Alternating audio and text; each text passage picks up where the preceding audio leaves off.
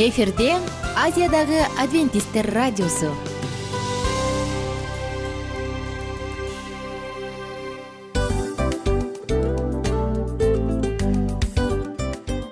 Достор салют. Баардык сүйүктүү угармандарыбызга салам айтабыз. Кутман күнүңүздөр менен. Ден соолук өмүрдүн булагы демекчи саламат саамы программасында баарыңыздарды көргөнүбүзгө абдан кубанычтабыз. Анда алгач амандашып өтөлү арбаңыздар деп. Ден соолугуңуздар кандай элибизде көбүнчө ден соолук кандай дегенде эле жакшы деп жооп беребиз э? ооруп турсак дагы жакшы дейбиз. Анан мен муну айтып ойлойт элем бул абдан сонун сөз депчи анткени бул жакшы деген үмүт да э баары жакшы болот. Баары сонун. Деп үмүттөнүп атып эле өзүбүздү өзүбүз дарылап коебуз. Анысы кандай? Сиздин дагы ден соолугуңуз жакшы беш деген үмүттөбүз чындыгында ден соолук бул өмүрдүн булагы деп бекеринен айтылган эмес деп ойлойм. Кыргыз элинде анткени эгерде ден соолук жок болсо анда адамдын жашоосунда калган баардык керектүү маңыздуу нерселер өзүнүн баалуулугун жоготуп коет. Ошондуктан ден соолук бул эң керектүү нерсе. Ооба туура айтасың кесиптешим. Чынында ден соолугуң жок бир эки үч күн ооруп калсаң эле э кандай болуп калат? Жашоодо көз каранды болуп каласың көп нерсеге жетишпей каласың көп нерсени кыла албай каласың жада калса эшикке дүкөнгө да чыга албай каласың. Туптуура анан ден соолук болсо демек биз биздин бактыбыз тотой деп койсок болот. Анда достор саламат саамы рубрикабызды баштайлы. Алдыда өзүңүзгө керектүү болгон сонун кеңештерди уга аласыздар. Мына ошондуктан биз менен бирге болуңуздар. Ал эми биз болсо милан жана айнура. Кеттик алга. Алга саламат саама ден соолуктун жарчысы. Саламат саама ден соолуктун ачкычы. Күн сайын сиз үчүн мыкты кеңештер сонун жаңылыктар кызыктуу фактылар. Биздин рубрикада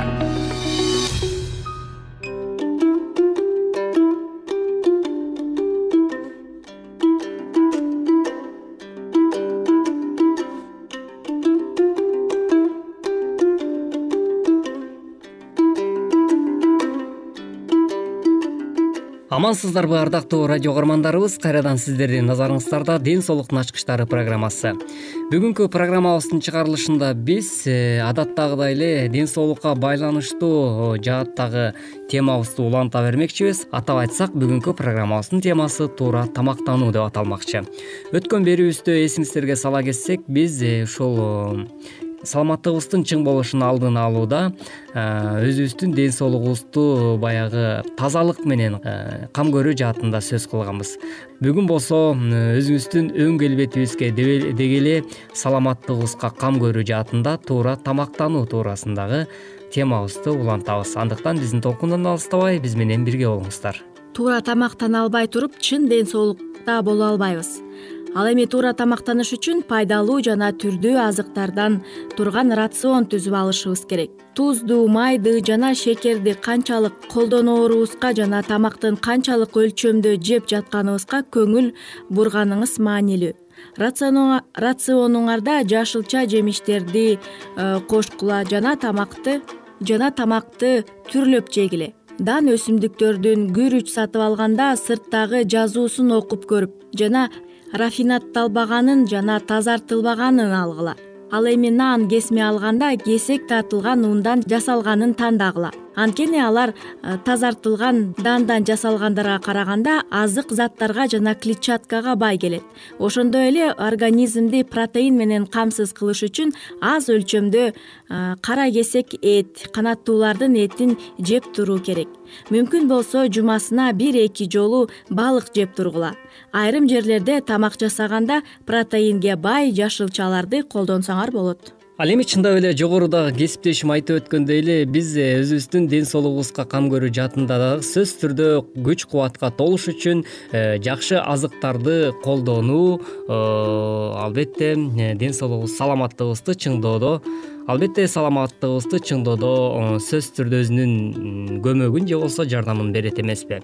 Ал эми ошол эле учурда эч кандай холестерини жок жана ошондой эле калориясы аз азык түлүктөрдү колдонуу дагы э, сиздин ден соолугуңузга жана саламаттыгыңызга түздөн түз өзүнүн чоң салымын кошот экен. Буга ала кетсек сөзсүз түрдө жогоруда кесиптешим айтып өткөндөй эле дан азыктарынан турган азык түлүктөрдү көбүрөөк колдонгон болсо анда саламаттыгыңызга кыйла эле жардам берет. Мисалга айтсак ошол дан азыктардан сырткары мөмө жемиштерине дагы көбүрөөк басым жасай турган болсоңуз бул дагы сиздин саламаттыгыңызга өтө жакшы жардамын тийгизет экен. Мисалга айтсак Э, мисалы ала кетсек э, буларга эмнелер кирет э, буларга ошол алча алмурут ошондой эле капуста жана башка жашылча жемиштерди көбүрөөк колдоно турган болсоңуз анда саламаттыгыңызды бир кыйла жакшыртканга жана ошондой эле өзүңүздүн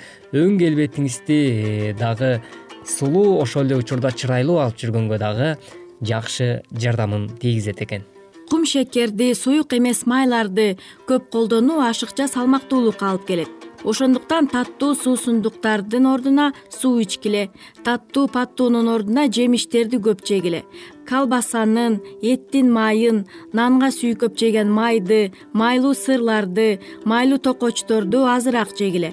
Тамак жасаганда суюк эмес майларды колдонгондун ордуна суу майлардын суу майларын колдонгула тузду өтө көп колдонуу кан басымын жогорулашы мүмкүн. Эгер кан басымыңар жогору болсо тамак аш сатып алып тамак аш сатып алып жатканда сыртындагы жазуусун жакшылап окуп тузу азыраагын алгыла.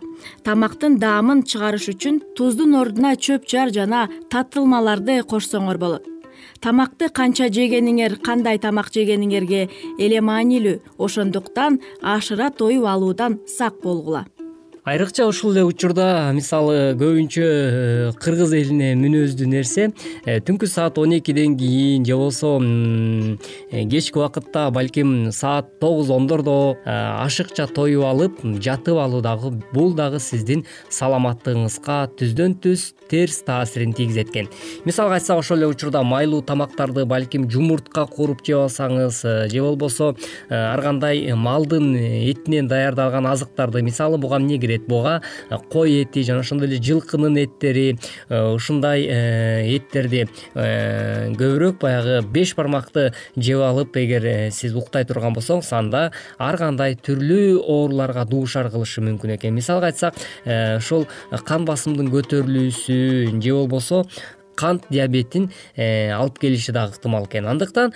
өзүңүздүн саламаттыгыңызга кам көрүү учурунда сөзсүз түрдө буларды дагы эске алууңуз абзел экен тамактанууга байланыштуу дагы бир көйгөй бул тамактан уулануу туура даярдалбаган жана тийиштүү түрдө сакталбаса кандай тамак болбосун бат эле бузулуп ден соолукка зыян алып келиши мүмкүн. Жыл сайын ар бир алтынчы америкалык киши тамактан ууланат алардын көбү айыгып кеткени менен айрымдары өлүмгө дагы дуушар болот. Ууланып калбаш үчүн эмне кылса болот? Жашылчалар өскөн жерге жер семирткич катары кык төгүлүшү мүмкүн ошон үчүн аларды тамакка колдоноордон мурун жакшылап жуу керек. Тамак аш жасалаарда колуңарды самындап ал эми эт жашылча жемиш туураганда тактайды идиш аякты жана үстөлдүн үстүн тазалоочу каражатты колдонуп ысык суу менен жуугула. Чийки жумуртка эт балык турган нерсени же алар салынган табактардын эч качан жуубай туруп колдонбогула тамакты чала бышырбагыла тез бузула турган жана дароо желбей калган тамакты муздаткычка салып койгула. Бөлмөнүн ичиндеги эки сааттан ашык же отуз эки градус ысыкта бир сааттан ашык убакыт туруп калган тез бузула турган тамактарды төгүп салуу керек албетте жогоруда кесиптешим айтып өткөндөй эле ачып кеткен кычып кеткен же болбосо ар кандай э, гигиеналык жактан талапка жооп бербеген азык түлүктөрдү колдонуу дагы сиздин саламаттыгыңызга сөзсүз түрдө терс таасирин тийгизип э, жогоруда биз айтып өткөндөй эле ар түрдүү ооруларды э, чакырып калышы дагы ыктымал экен. Мунун натыйжасында балким ич өткөк оорусу ошол эле ар кандай инфекцияларга чалдыгып калышыңыз дагы толугу менен ыктымал ден соолугуңуз кубаттуу жана бул жашоодо сергек жашоого умтула бериңиз деген тилек менен бүгүнкү программабызды жыйынтыктамакчыбыз. Сак саламатта калыңыз. Саламат саама ден соолуктун жарчысы. Саламат саама ден соолуктун ачкычы. Күн сайын сиз үчүн мыкты кеңештер сонун жаңылыктар кызыктуу фактылар. Биздин рубрикада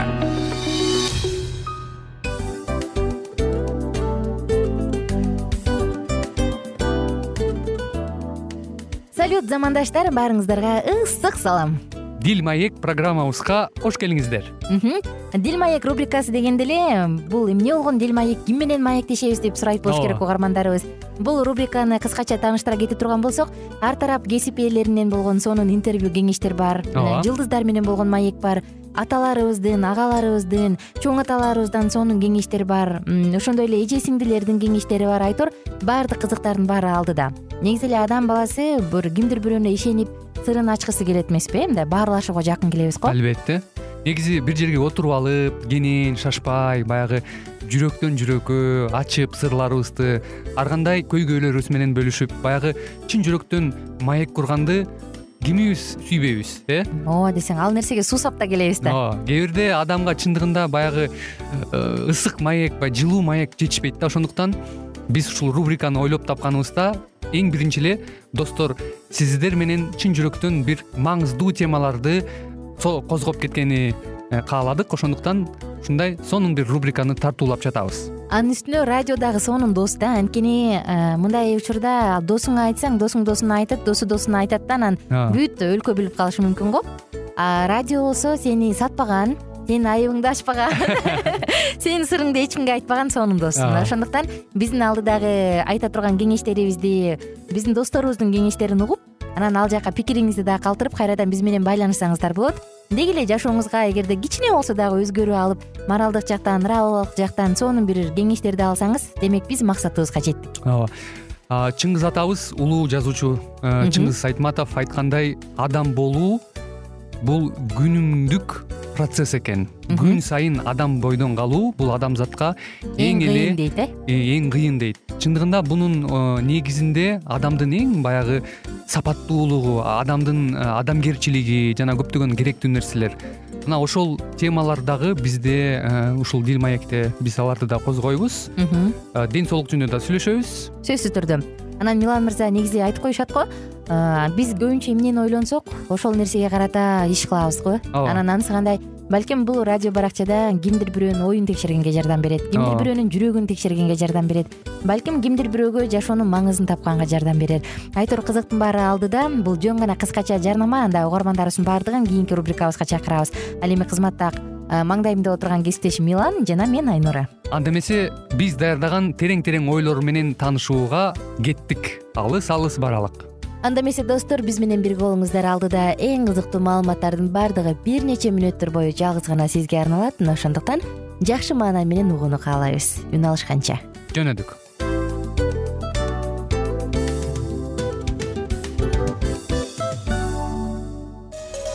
Ар түрдүү ардактуу кесип ээлеринен алтын сөздөр жүрөк ачышкан сыр чачышкан сонун маек дил маек рубрикасында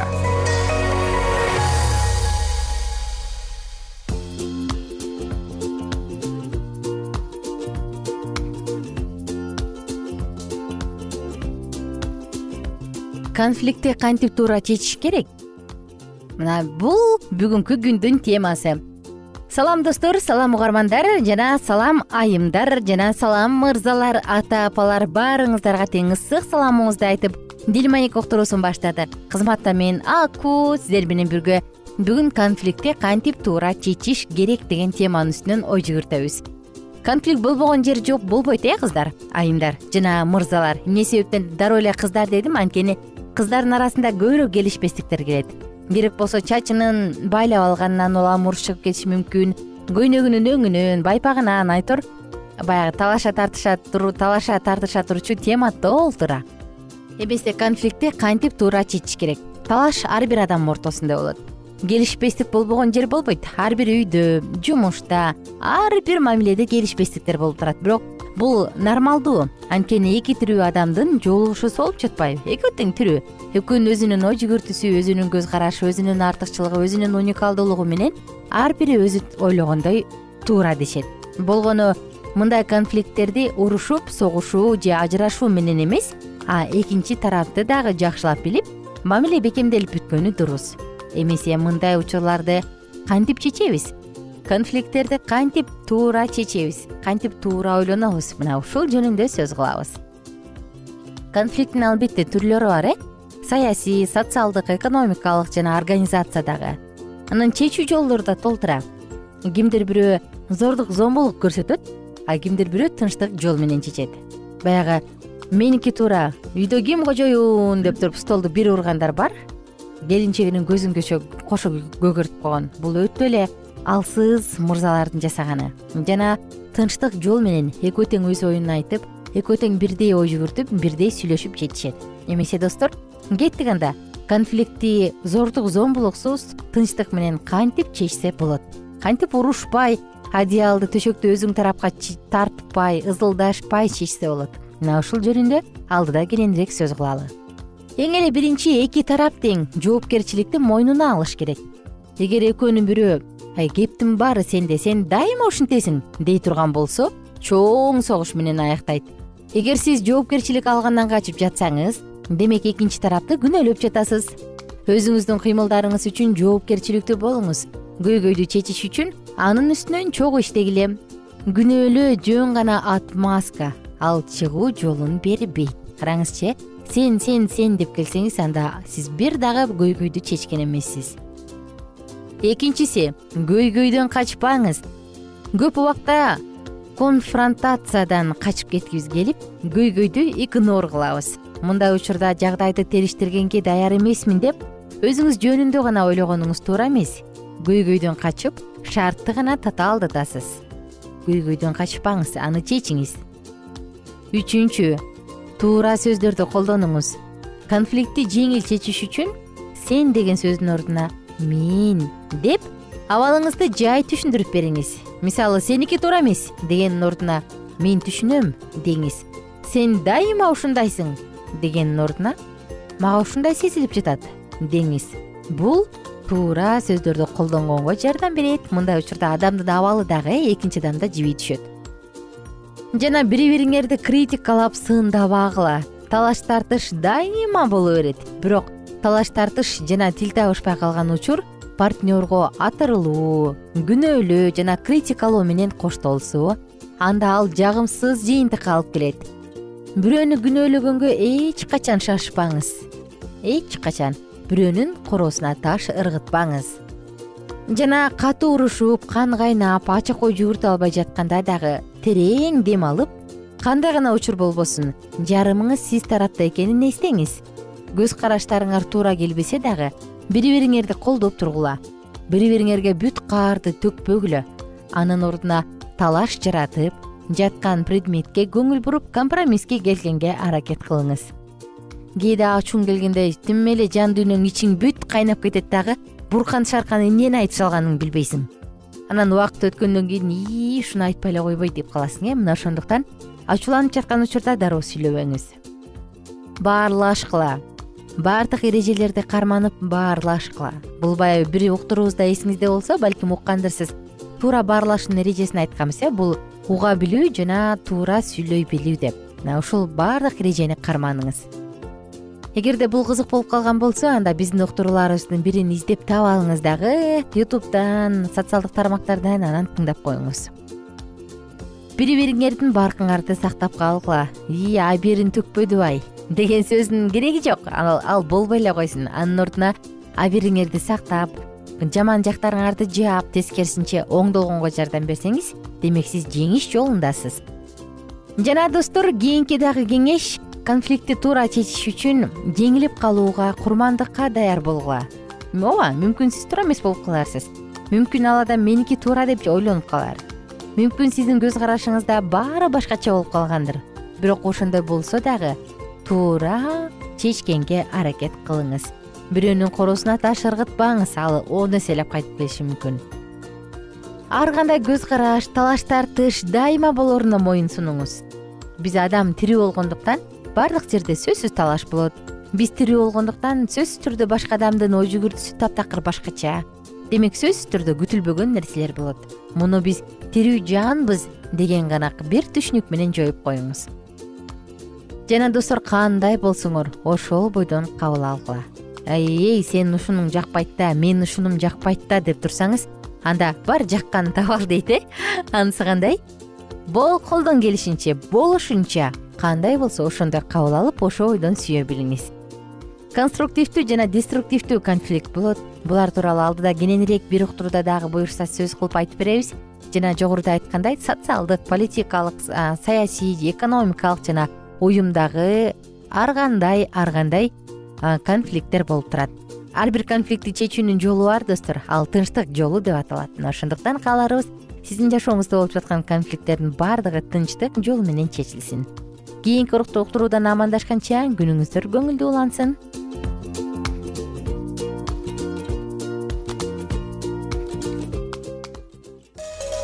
ар түрдүү ардактуу кесип ээлеринен. Алтын сөздөр жүрөк ачышкан сыр чачышкан сонун маек. Дил маек рубрикасында.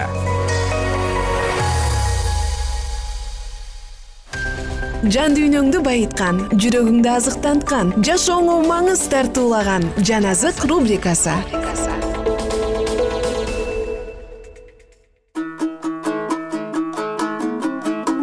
кутмандуу күнүңүздөр менен достор. Кайрадан сиздер менен амандашканыбызга кубанычтамын. Эмесе улуу күрөш китебин бирге улантабыз.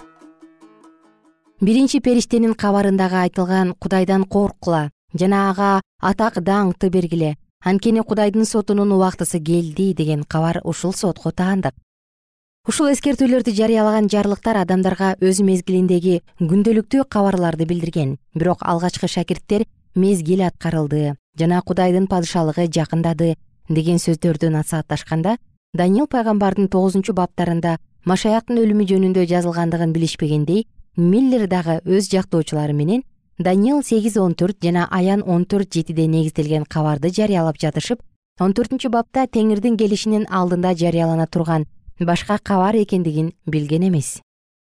Жетимиш апта өткөндөн кийин кандай падышалык орнотула тургандыгын түшүнбөстөн шакирттер адашкан сыяктанып адвентисттер дагы эки миң үч жүз күндөн кийинки боло турган окуя жөнүндө жаңылышкан.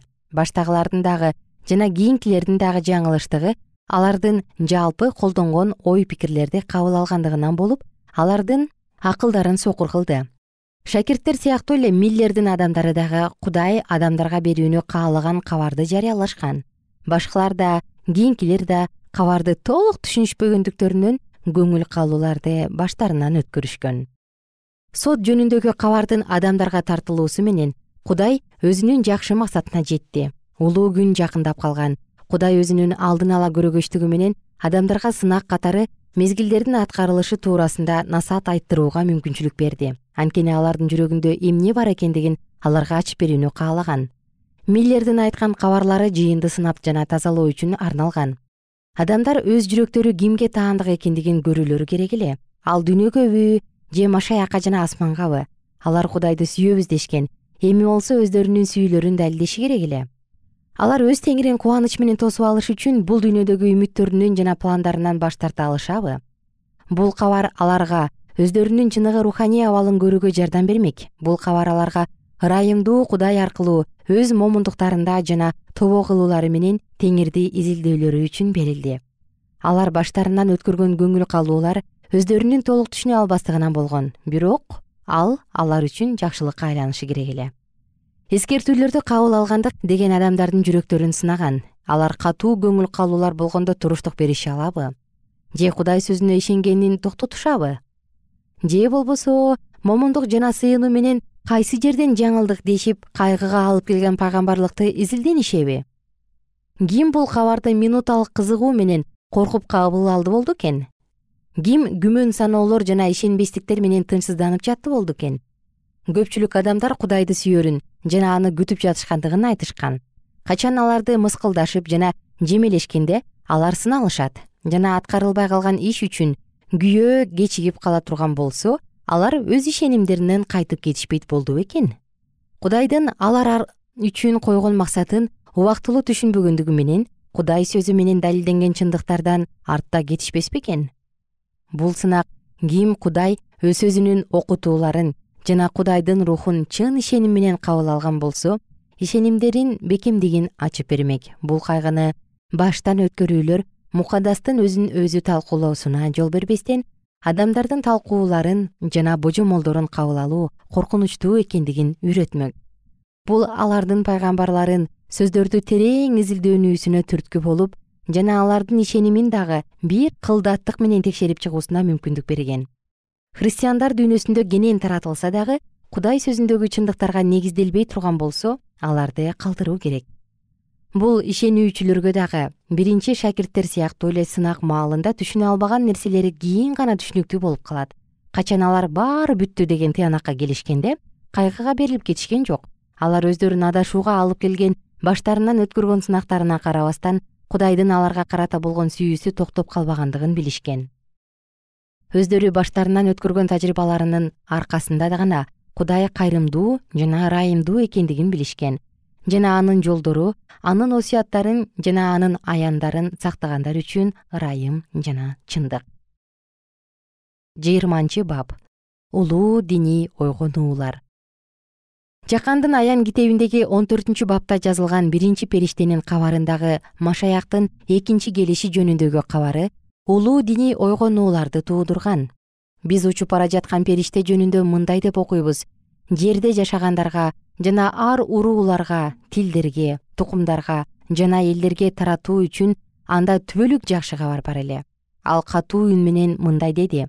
Кудайдан корккула жана аны даңктагыла анткени анын сотунун убагы келди. Асманды жана жерди деңизди жана булактарды жаратканга табынгыла аян он төртүнчү бап алтынчы жетинчи аяттар. Эскертүүнүн маанилүүлүгү анын периштелер аркылуу айтылгандыгында асман жарчысынын тазалыгынан даңктуулугунан жана күчүнөн кудайдын даанышмандыгын бул кабардын аткаруусу боюнча жана аны коштогон күч жана даңктын иши менен жогору жана бийик кылып көргөзүү керек эле. Периштенин асмандын ортосунда учуп бара жаткандыгы анын эскертүүчү бийик добушу баардыгына кайрылган жерде жашоочуларга жана ар урууларга жана тукумдарга жана тилдерге жана элдерге ушул нерселердин баардыгы күн сайын жана батыраак ушул кабарды таратуу жөнүндө билдирет. Кабардын өзү өз жарыгын бул кыймыл качан баштала турган болсо ошол мезгилге төгөт ал түбөлүктүү жакшы кабардын бөлүгү болуп саналат жана сот күнүнүн башталгандыгын билдирет. Куткарылуу жөнүндөгү кабар баардык кылымдардан насаатталып келген. Бирок бул кабар жакшы кабардын акыркы күндөрдө айтыла турган бөлүгү болуп эсептелет анткени ошондо гана сот башталат. Ардактуу достор сиздер менен бүгүн дагы улуу күрөш китебинин кызыктуу үзүндүсүн окуп өттүк. Жалпыңыздарга кааларыбыз көңүлдүү күн дайыма жашооңузда чындык жана кудайыбыздын батасы болсун. Сиздер менен кийинки уктуруудан амандашканча сак саламатта калыңыздар